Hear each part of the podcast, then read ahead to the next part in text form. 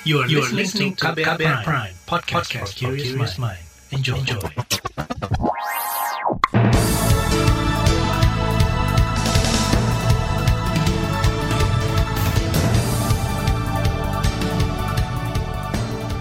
Selamat pagi saudara, senang sekali kami bisa menjumpai Anda kembali melalui program Buletin Pagi edisi Senin 17 Januari 2022. Bersama saya Naomi Liandra. Sejumlah informasi pilihan telah kami siapkan di antaranya, kasus Omikron nyaris seribu, pemerintah evaluasi PPKM tiap sepekan. Wapres minta pelaku kekerasan seksual dihukum berat. TPNPB OPM tolak berdialog dengan pemerintah. Inilah Buletin Pagi selengkapnya terbaru di Buletin Pagi. Pemerintah mencatat penambahan kasus harian COVID-19 mencapai lebih dari seribu kasus.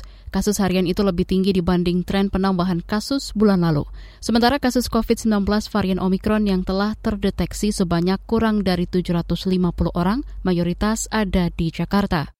Menyikapi tren kenaikan kasus COVID-19 sejak awal tahun ini, Menteri Koordinator Bidang Kemaritiman dan Investasi Luhut Binsar Panjaitan akan melanjutkan pembatasan mobilitas berbasis kondisi COVID-19 di suatu wilayah. Durasi evaluasi pemberlakuan pembatasan kegiatan masyarakat PPKM dipercepat dari semula per dua pekan menjadi per satu pekan. Hal ini mempertimbangkan karakteristik virus yang cepat menular dan tingginya mobilitas, khususnya di Jawa Bali. Hari ini saya menegaskan bahwa pemerintah akan tetap menggunakan PPKM level sebagai berbasis pengetatan kegiatan bagi sosial mas masyarakat. Selain itu, mas pemerintah juga akan kembali melakukan asesmen PPKM yang dievaluasi setiap minggunya dan menghapus asesmen dua minggu semata-mata untuk mengikuti perkembangan kasus Omikron yang diprediksi meningkat sangat cepat ini. Luhut yang juga menjabat sebagai Wakil Ketua Tim Penanganan COVID-19 dan Pemulihan Ekonomi Nasional KPCP menambahkan, upaya mitigasi meluasnya penularan varian Omikron antara lain dilakukan mengakselerasi vaksinasi dosis ketiga atau dosis booster, khususnya di Jabodetabek. Selain itu meningkatkan pengawasan penerapan protokol kesehatan di area publik semisal membatasi mobilitas masyarakat di area publik khusus bagi yang sudah menerima vaksin COVID-19 dosis kedua. Pemerintah juga akan mendorong percepatan vaksinasi dosis kedua bagi umum dan lansia, khususnya di daerah yang capaiannya masih rendah. Luhut memastikan kemampuan rumah sakit telah mumpuni untuk menghadapi potensi puncak kenaikan kasus corona yang diprediksi terjadi pada pertengahan Februari hingga Maret mendatang. Pemerintah Provinsi DKI Jakarta siap memperlakukan penerapan PPKM level 3 seiring ditemukannya lebih dari 700 kasus Omikron di wilayahnya. Kebijakan itu saat ini masih dibahas bersama pemerintah pusat selaku pihak yang memberikan asesmen. Kepala Dinas Kesehatan DKI Jakarta, Widya Stuti, mengatakan pihaknya juga akan merekomendasikan skenario karantina mandiri bagi pasien yang terinfeksi Omikron akan ada perubahan tim pusat. Kemenkes sedang berproses melakukan review edaran tersebut karena kalau melihat nanti pergerakan angkanya meningkat tentu tidak cukup kalau semua dilakukan isolasi di rumah sakit sehingga tetap dilakukan nanti adalah mandiri atau isolasi terpusat. Untuk isolasi mandiri dan terpusat tentu kita sudah berpengalaman pada saat COVID yang lalu jadi tidak ada perlakuan secara khusus kalau memang nanti surat edarannya itu sudah keluar. Itu tadi Kepala Dinas Kesehatan DKI Jakarta, Widya Stuti. Pada kesempatan berbeda, Wakil Gubernur DKI Jakarta Ahmad Riza Patria mengungkapkan sebanyak 15 sekolah ditutup untuk pembelajaran tatap muka atau PTM 100%. Pembatasan itu dilakukan menyusul ditemukannya guru dan siswa yang positif COVID-19, sebagian di antaranya merupakan varian Omikron. Diketahui sebanyak 10 ribu lebih sekolah di Jakarta masih memperlakukan PTM 100%. Dewan Perwakilan Rakyat Komisi Kesehatan mendorong pemerintah meningkatkan upaya pengetesan dan pelacakan untuk deteksi dini kasus COVID-19 varian Omikron di masyarakat. Ini harus dilakukan sebab pasien terinfeksi Omikron umumnya bergejala ringan dan tanpa gejala. Anggota Komisi Kesehatan DPR Rahmat Handoyo menduga kasus positif COVID-19 banyak yang tidak terdata pemerintah sebab lemahnya pengetesan dan pelacakan kepada pemerintah kita gencarkan kepada fasilitas-fasilitas kesehatan ya 3T gitu ya. Nah saat ini 3T tracing testing kita kan masih cukup rendah ya. Nah artinya apa dengan testing tracing rendah itu kita belum menggambarkan, belum bisa memotret kondisi real sebenarnya seberapa besar positif hari ini. Bisa jadi lebih daripada yang data dari pemerintah ini. Itu tadi anggota DPR fraksi PDIP Rahmat Handoyo. Sementara itu, anggota Komisi Bidang Kesehatan Kurniasih Mufidayati mengkhawatirkan ada kesimpulan yang salah di masyarakat dengan menganggap gejala Omikron lebih ringan, sehingga membuat masyarakat abai terhadap prokes. Mufida mengingatkan pemerintah memastikan ketersediaan obat-obatan, pasokan vitamin, oksigen, maupun sarana isolasi terpusat mengantisipasi banyak rumah yang tidak memadai untuk isolasi mandiri. Sementara itu, kalangan epidemiolog mengingatkan risiko akibat tertular COVID-19 dalam jangka panjang. Epidemiolog dari Universitas Griffith Australia, Diki Budiman menjelaskan, virus Omikron dapat mengganggu kerja semua organ tubuh manusia, tidak sebatas organ pernafasan. Karena itu ia meminta agar pemerintah tidak menganggap remeh Omikron dengan tetap memperhatikan kemampuan pengetesan, pelacakan hingga perawatan di rumah sakit. Kita kan ikutan melandai ya 3T kita selama setelah puncak Delta kemarin itu dan saat ini udah harus segera diaktifkan. Mumpung masih sedikit ini untuk meredam ya. Kalau mencegah sama sekali Omikron sulit kita menandingi ya dengan kemampuan kita ini dan artinya potensi infeksi yang jauh lebih banyak di masyarakat itu setidaknya 8 kali lebih banyak itu atau 10 kali pun itu bukan hal yang aneh ya yang belum terdeteksi. Epidemiolog Diki Budiman menambahkan pasien positif Omikron perlu melakukan karantina secara disiplin dan efektif. Karena itu pemerintah perlu aktif mengawasinya agar tidak keluar rumah dan tetap mendapat pelayanan kesehatan. Wapres minta pelaku kekerasan seksual dihukum berat. Informasi selengkapnya hadir sesaat lagi, tetaplah di Buletin Pagi KBR. You're listening to KBR Pride, podcast for curious mind. Enjoy!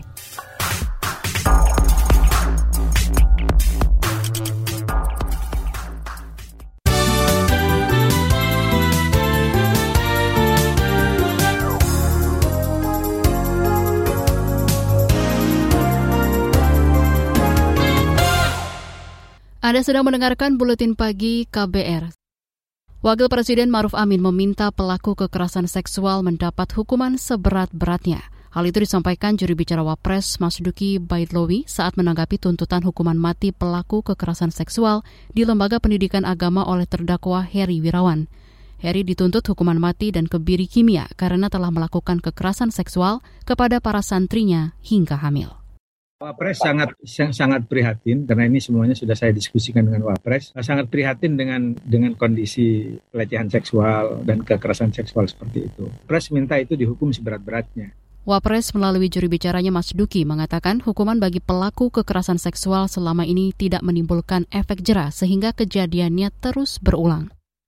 Maraknya kasus kekerasan di lingkungan pendidikan agama menurut Wapres mesti menjadi perhatian serius. Dia meminta pengawasan di lembaga pendidikan berasrama dan pesantren lebih diperketat. Sejumlah bangunan fasilitas umum di Pandeglang, Banten rusak akibat gempa bermagnitudo 6,6 Jumat lalu. Tak hanya merusak bangunan rumah warga, sejumlah sekolah dan fasilitas umum lainnya dilaporkan rusak. Menteri Koordinator Bidang Pembangunan Manusia dan Kebudayaan Menko PMK Muhajir Effendi menginstruksikan Bupati Pandeglang menyiapkan tenda darurat untuk kegiatan belajar siswa sementara. Ya ini dari Bu Bupati akan dipasang tenda nanti dengan BNPB untuk untuk ruang belajar sementara. Uh, ini ada dari dinas pendidikan uh, ya nanti beberapa beberapa saat lah ini kan kerusakan ringan aja kok. Nanti akan bisa segera ditangani. Badan Penanggulangan Bencana Daerah BPBD Kabupaten Pandeglang mencatat rumah warga yang mengalami kerusakan akibat gempa terus bertambah. Hingga minggu siang tercatat sebanyak hampir 2.000 rumah mengalami kerusakan. Dengan rincian kategori rusak ringan lebih dari 1.000 unit, rusak sedang kurang dari 500 unit, dan rusak berat lebih dari 300 unit. Selain itu, gempa juga mengakibatkan kerusakan gedung sekolah sebanyak lebih dari 30 unit, puskesmas kurang dari 20 unit, masjid 10 unit, dan kantor desa sebanyak 3 unit. Kementerian Agama menghentikan sementara pemberangkatan jemaah umroh mulai 15 Januari 2022 untuk mengevaluasi skema kebijakan satu pintu atau OGP, termasuk memantau perkembangan COVID-19 varian Omikron di Indonesia dan Arab Saudi. Dirjen Penyelenggaraan Haji dan Umrah Kemenak, Hilman, dilansir dari Antara mengatakan, pemberangkatan jemaah umrah di masa pandemi sudah berjalan 8 hari sejak penerbangan perdana 8 Januari 2022. Sebanyak lebih dari 1.700 jemaah telah berangkat melalui asrama haji embarkasi Pondok Gede Jakarta. Dia menjelaskan jemaah umrah yang berangkat 8 Januari akan kembali ke Indonesia tanggal 17 Januari 2022. Sekembalinya ke tanah air, Kemenak akan mengevaluasi serta melihat ada atau tidaknya jemaah yang terdeteksi Omikron. Hilman mengatakan usai menggelar evaluasi dengan kementerian terkait, Kemenak akan memutuskan apakah akan kembali memberangkatkan atau menghentikan sementara perjalanan umrah. Skema buka tutup ini dilakukan seiring perkembangan Omikron di Indonesia dan Arab Saudi. Namun, ia menegaskan Kemenak hanya berperan memfasilitasi persiapan pemberangkatan, sementara yang berperan lebih banyak adalah penyelenggara perjalanan ibadah umrah atau PPIU. Kementerian Komunikasi dan Informatika Kominfo segera mengawasi transaksi jual beli non-fungible token atau NFT di Indonesia. Juri bicara Kementerian Kominfo Dedi Permadi dalam keterangan tertulisnya mengatakan, dalam pengawasan ini akan menggandeng Badan Pengawas Perdagangan Berjangka Komoditi, Kementerian Perdagangan Bapbeti selaku lembaga berwenang dalam tata kelola perdagangan aset kripto. Pengawasan transaksi ini dilakukan usai warganet ramai memperbincangkan warga negara Indonesia bernama Gazali yang berhasil menjual foto dirinya hingga miliaran rupiah melalui NFT. Juri bicara Kementerian Kominfo Dedi Perbadi mengimbau masyarakat agar lebih bijak dalam menjalankan transaksi NFT sebagai aset digital. Ia menegaskan bagi masyarakat yang memanfaatkan teknologi NFT atau dalam hal ini disebut penyelenggara sistem elektronik, bakal terancam pemutusan akses platform jika terbukti melakukan pelanggaran peraturan undang-undang tentang informasi dan transaksi elektronik. Kita ke informasi ekonomi. Pemerintah telah menetapkan anggaran pemulihan ekonomi tahun 2022. Menteri Koordinator Bidang Perekonomian Erlangga Hartarto mengungkapkan angkanya mencapai lebih dari 400 triliun rupiah. Anggaran itu akan dialokasikan untuk sejumlah sektor meliputi kesejahteraan sosial hingga kesehatan. Terkait dengan pemulihan ekonomi nasional ini disiapkan anggaran di tahun 2022 sebesar 451 triliun dan itu terbagi menjadi tiga yaitu untuk kesehatan, perlindungan sosial dan terkait dengan fasilitas fiskal untuk beberapa sektor ataupun uh, UMKM maupun korporasi. Nah, yang sudah disetujui oleh Bapak Presiden yang pertama terkait dengan insentif fiskal properti atau PPN ditanggung pemerintah Menteri Koordinator Bidang Perekonomian Erlangga Hartarto menegaskan pemerintah juga akan memperpanjang insentif fiskal properti atau pajak pertambahan nilai ditanggung pemerintah PPN DTP hingga Juni mendatang. Selain itu, program lain yang akan dijalankan dalam waktu dekat adalah bantuan sosial berupa bantuan tunai bagi pedagang kaki lima PKL, warung, dan nelayan dengan jumlah peserta diperkirakan kurang dari 3 juta orang. Presiden Joko Widodo disebut telah menyetujui ini untuk disalurkan pada kuartal pertama tahun 2022. Kita ke informasi mancanegara. Jepang mencabut peringatan tsunami untuk prefektur Iwate dan semua peringatan untuk daerah di sepanjang pantai Pasifik. Negeri Sakura itu sebelumnya mengeluarkan pemberitahuan tsunami menyusul letusan gunung berapi bawah laut di Tonga. Japan Times melaporkan sebanyak 14 kapal terbalik tenggelam atau hanyut di prefektur Kochi dan 5 kapal terbalik di prefektur Tokushima. Tidak ada korban yang dilaporkan. Selain itu, Japan Airlines juga membatalkan kurang dari 30 penerbangan di bandara seluruh negeri. Sebelumnya, sebuah gunung berapi bawah laut di Tonga meletus pada Sabtu dan memicu peringatan tentang bahaya tsunami dengan gelombang setinggi kurang dari 2 meter. Perintah evakuasi telah dikeluarkan di pesisir Tonga dan sejumlah kepulauan Pasifik Selatan. Layanan internet dan telepon mati pada sekitar 12 lebih 40 waktu Indonesia Barat pada Sabtu, sehingga 150 ribu warga di kepulauan itu terisolasi dari dunia luar dan tak bisa mengabarkan data kerusakan dan korban jiwa. Ratusan ribu umat Hindu di India berkumpul dan menggelar mandi suci di tepi sungai Gangga meski negara itu tengah menghadapi lonjakan kasus COVID-19. Mereka percaya dengan ritual selama festival Makar Sankranti tersebut dapat membasuh dosa serta membebaskan mereka dari kematian. Kerumunan besar itu melaksanakan mandi suci itu di sungai di sebelah tenggara Bengal Barat, di mana kasus paling banyak dilaporkan di negeri tersebut setelah Maharashtra. Mayoritas masyarakat yang melakukan ritual itu tidak menerapkan protokol kesehatan, termasuk abai mengenakan masker. Sebelumnya, pemerintah India mencatat tambahan hampir 250 ribu kasus harian COVID-19 pada Kamis, sehingga totalnya menjadi lebih dari 35 juta kasus. Ini pertama kalinya India melaporkan lebih dari 200 ribu kasus dalam sehari selama lebih dari 8 bulan terakhir. Sebanyak kurang dari 400 kematian juga dilaporkan pada hari itu, sehingga totalnya menjadi hampir 500 ribu kematian. Dikutip dari antara negara dengan julukan anak benua itu mencatat sebanyak lebih dari 1,1 juta kasus aktif COVID-19. Ini merupakan hari ke-16 kasus aktif di India meningkat secara berturut-turut. Beralih ke informasi olahraga, Liverpool menang dalam pertandingan melawan Brentford dengan skor 3-0.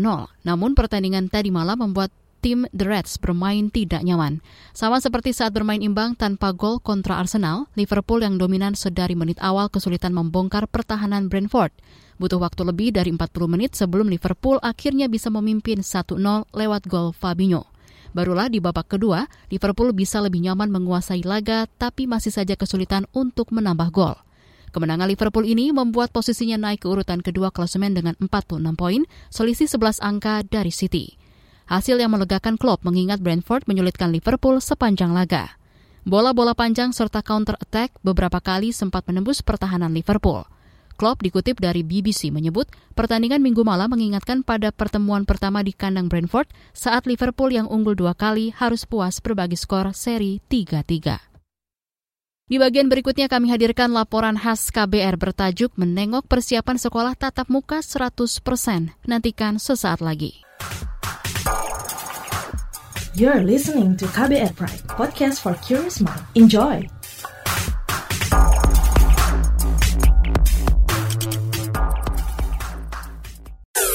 Commercial break.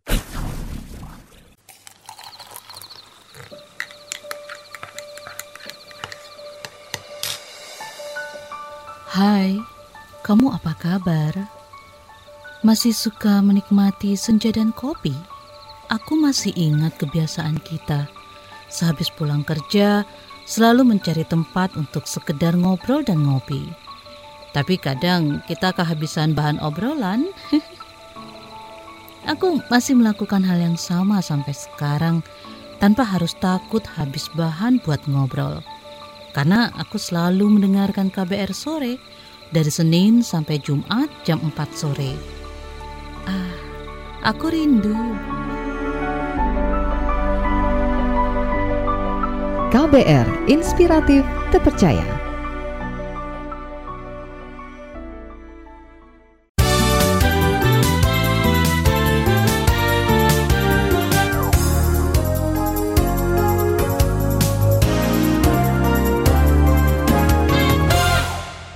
Anda masih bersama kami di Buletin Pagi KBR. Pemerintah mewajibkan sekolah tatap muka 100% di wilayah berstatus PPKM level 1 sampai 3. Hal ini termuat dalam surat keputusan bersama empat menteri yang diteken pada Desember 2021. Kelas luring dinilai lebih efektif untuk mencegah hilangnya pengetahuan atau learning loss. Lantas bagaimana sekolah menggelar PTM secara penuh di tengah merebaknya varian Omikron? Bagaimana pula pendapat orang tua murid? Simak laporan khas KBR yang disusun Valda Kustarini. Uh, Ibu dan Bapak sekalian, seperti kita ketahui untuk kegiatan PTM di semester 2 mudah-mudahan nanti bisa dilaksanakan dengan baik. Pagi di SMP Pamijahan Kabupaten Bogor, Jawa Barat, Kepala Sekolah Suprapti tengah memimpin rapat persiapan pembelajaran tatap muka PTM 100%. Wilayahnya berstatus PPKM level 2, artinya wajib menggelar sekolah luring secara penuh mulai semester genap 2021-2022. Kemudian kelas juga sudah ditata ya, Ibu dan Bapak Wali kelas e, bisa disiapkan masing-masing jaraknya di Suprapti memastikan sekolahnya siap menjalankan PTM 100% mulai 17 Januari 2022. Persiapannya sudah dari lama ya, kemudian menyiapkan segala sesuatu yang berkaitan dengan eh, persiapan PTM seperti sarana prasarana, juga vaksinasi dari guru dan anak-anak juga. Semester ganjil lalu, SMP 2 Pamijahan menerapkan sistem pembelajaran campuran atau hybrid, daring dan luring. Sekolah tatap muka tetap digelar dengan kapasitas 50% dan sisanya belajar jarak jauh. Suprapti mengakui metode daring meningkatkan resiko hilangnya pengetahuan atau learning loss. Hal itu terlihat dari hasil asesmen yang dilakukan pada siswa. Persiapan yang asesmen nasional itu, soal-soal itu kaitannya literasi dan numerasi. Kita kemarin menggunakan tes diagnostik, apalagi dikaitkan dengan AKM. Nah, AKM itu mereka memang sangat di bawah. PTM 100% meski hanya 6 jam waktu belajar dinilai lebih efektif oleh guru berusia 55 tahun ini. Sebab siswa dan guru dapat berinteraksi secara langsung. Kita mempersiapkan dari berbagai hal ya, terutama untuk peningkatan SDM gurunya juga. Nah, dengan PTM itu otomatis aktivitas guru itu akan kelihatan sekali bagaimana dia bisa menyampaikan pembelajaran dengan lebih baik gitu. Tak hanya guru, orang tua murid pun lega dengan kebijakan PTM 100%. Contohnya Liza, warga Kabupaten Bogor. Putranya siap belajar di sekolah karena sudah divaksin. Dengan adanya PTM, anak bisa benar-benar fokus dalam belajar dan mereka akan lebih mudah memahami materi jika tatap muka dengan guru secara langsung. Beda halnya dengan Kai, orang tua murid asal Jakarta. Ia masih berat mengizinkan anaknya masuk sekolah meski sudah divaksin. Apalagi banyak bermunculan varian baru virus corona. Anak-anak kalau di sekolah itu kan susah ya mungkin dibilangin. Ini bagaimana dengan kondisi di sekolah yang guru itu harus bertanggung jawab. It means satu kelas misalnya 30 orang. Apakah benar guru itu bisa mengingatkan dan nggak ada yang loss atau kecolongan misalnya maskernya diturunin. Ya inilah yang bikin nggak setuju. Kai meminta ada pelonggaran aturan dengan tidak mewajibkan siswa masuk 100%. Mungkin bisa diatur nomor urut ganjil, nomor urut genap. Mungkin itu akan lebih bijak dibanding memasukkan anak semuanya 100% kayak terlalu memaksakan dengan situasi seperti sekarang.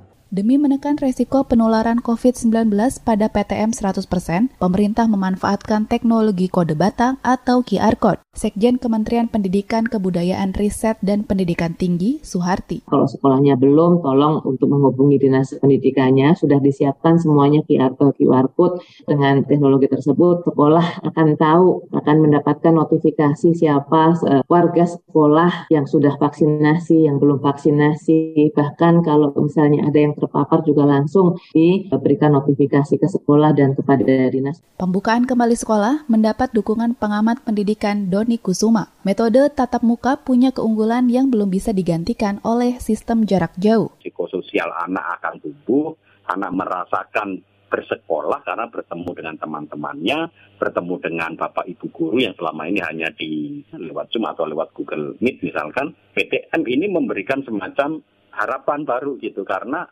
dengan mengenal siswanya satu persatu, pembelajaran itu bisa dimulai dengan lebih baik. Jika ada temuan kasus COVID-19 di sekolah tertentu, maka cukup sekolah itu yang ditutup sementara. Kan bukan klaster sekolah, tetapi kalau sekolah itu terdapat anak yang entah kena COVID, baik itu Omikron atau bukan, itu harus ada testing dan tracingnya itu diperketat. Meski begitu, Doni memberi catatan soal wajib PTM 100%. Pasalnya, aturan itu beresiko melanggar protokol kesehatan, sebab tak semua sekolah mampu menyediakan ruangan luas untuk menerapkan jaga jarak. Mestinya, masing-masing sekolah diberi keleluasaan untuk mengatur mekanisme PTM. Dalam situasi seperti ini, Kemdikbudristek harus segera berkomunikasi dengan kepala dinas-kepala dinas untuk memberikan pendampingan, jangan dibiarkan. Kemdikbud harus proaktif gitu, jangan membuat aturan yang nggak bisa dilaksanakan di lapangan, kan aneh kok. Demikian laporan khas KBR, saya Valda Kustarini. Informasi dari berbagai daerah akan hadir usai jeda, tetaplah bersama Buletin Pagi KBR. You're listening to KBR Pride, podcast for curious mind. Enjoy!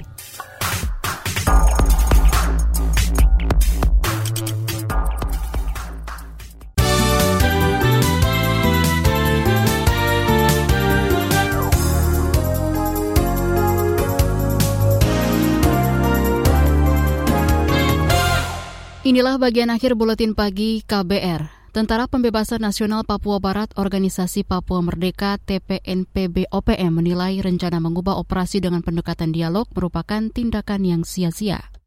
Juri bicara TPNB OPM Sebi Sambo beralasan pihaknya hanya ingin kemerdekaan di bumi cendrawasi. TPNPB OPM menegaskan telah mengajukan perundingan yang dimediasi Perserikatan Bangsa-Bangsa. Saya Sibi Sambo, juru bicara Komnas di PNPP atas nama Panglima Tinggi. Kami perlu sampaikan kepada Indonesia bahwa wacana penanganan masalah Papua dari Satgas Nimangkawi berubah menjadi uh, damai kadens. Itu kami anggap lucu karena pemimpin atau petinggi TNI Polri dan pemerintah Jakarta mungkin kehabisan akal. Itu tadi juri bicara TPNP BOPM Sebi Sambom. Sebelumnya juri bicara Mabes Polri Ahmad Ramadan mengatakan penanganan kelompok kriminal bersenjata segera berubah dari operasi Satgas Nemangkawi menjadi operasi Damai Kartens 2022. Perubahan ini seiring berakhirnya operasi Satgas Nemangkawi pada 25 Januari mendatang. Rencananya operasi Damai Kartens ini akan berlangsung selama enam bulan ke depan. Kata Ramadan, target operasi Damai Kartens itu membina orang asli Papua di berbagai sektor dan bidang kegiatan. Tujuannya agar meningkatkan kesejahteraan masyarakat Papua. Pemerintah pamer capaian vaksinasi dosis pertama yang mencapai target di wilayah Lombok, Nusa Tenggara Barat. Ketua Komite Penanganan COVID-19 dan Pemulihan Ekonomi Erlangga Hartarto mengatakan, dengan capaian vaksinasi COVID-19 tersebut diharapkan dapat melindungi masyarakat setempat dari infeksi virus corona.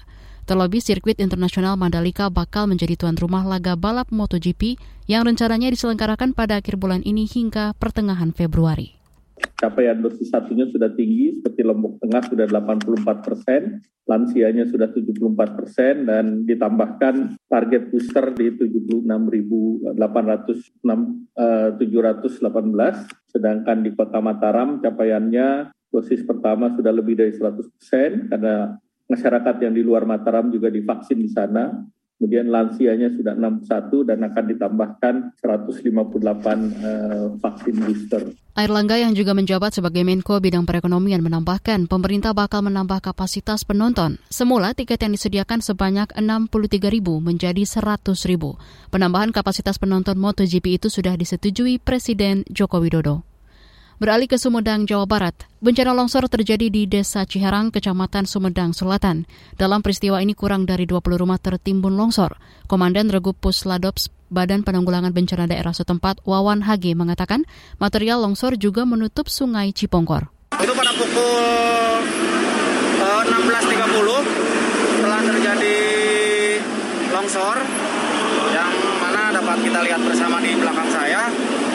Uh, ada satu korban tapi alhamdulillah selamat atas nama Bapak Tata RT 4 RW 11 Kelurahan Pasangrahan Baru uh, di mana uh, istrinya sampai sekarang masih dalam keadaan pingsan. Komandan Regu Pusdalops Badan Penanggulangan Bencana Daerah Sumedang Wawan Hagi menambahkan korban terpelanting akibat material longsor saat tengah bertani. Tidak hanya membuat korban terluka, area persawaran di lokasi longsor juga merusak sawah warga. BPBD mengimbau agar warga tidak beraktivitas di area longsor radius 1 km karena khawatir longsor susulan. Informasi tadi menutup jumpa kita di Buletin Pagi hari ini. Pantau juga informasi terbaru melalui kabar baru, situs kbr.id, Twitter kami di akun @beritaKBR, serta podcast di alamat kbrprime.id. Akhirnya saya, Naomi Liandra bersama tim yang bertugas, undur diri. Salam.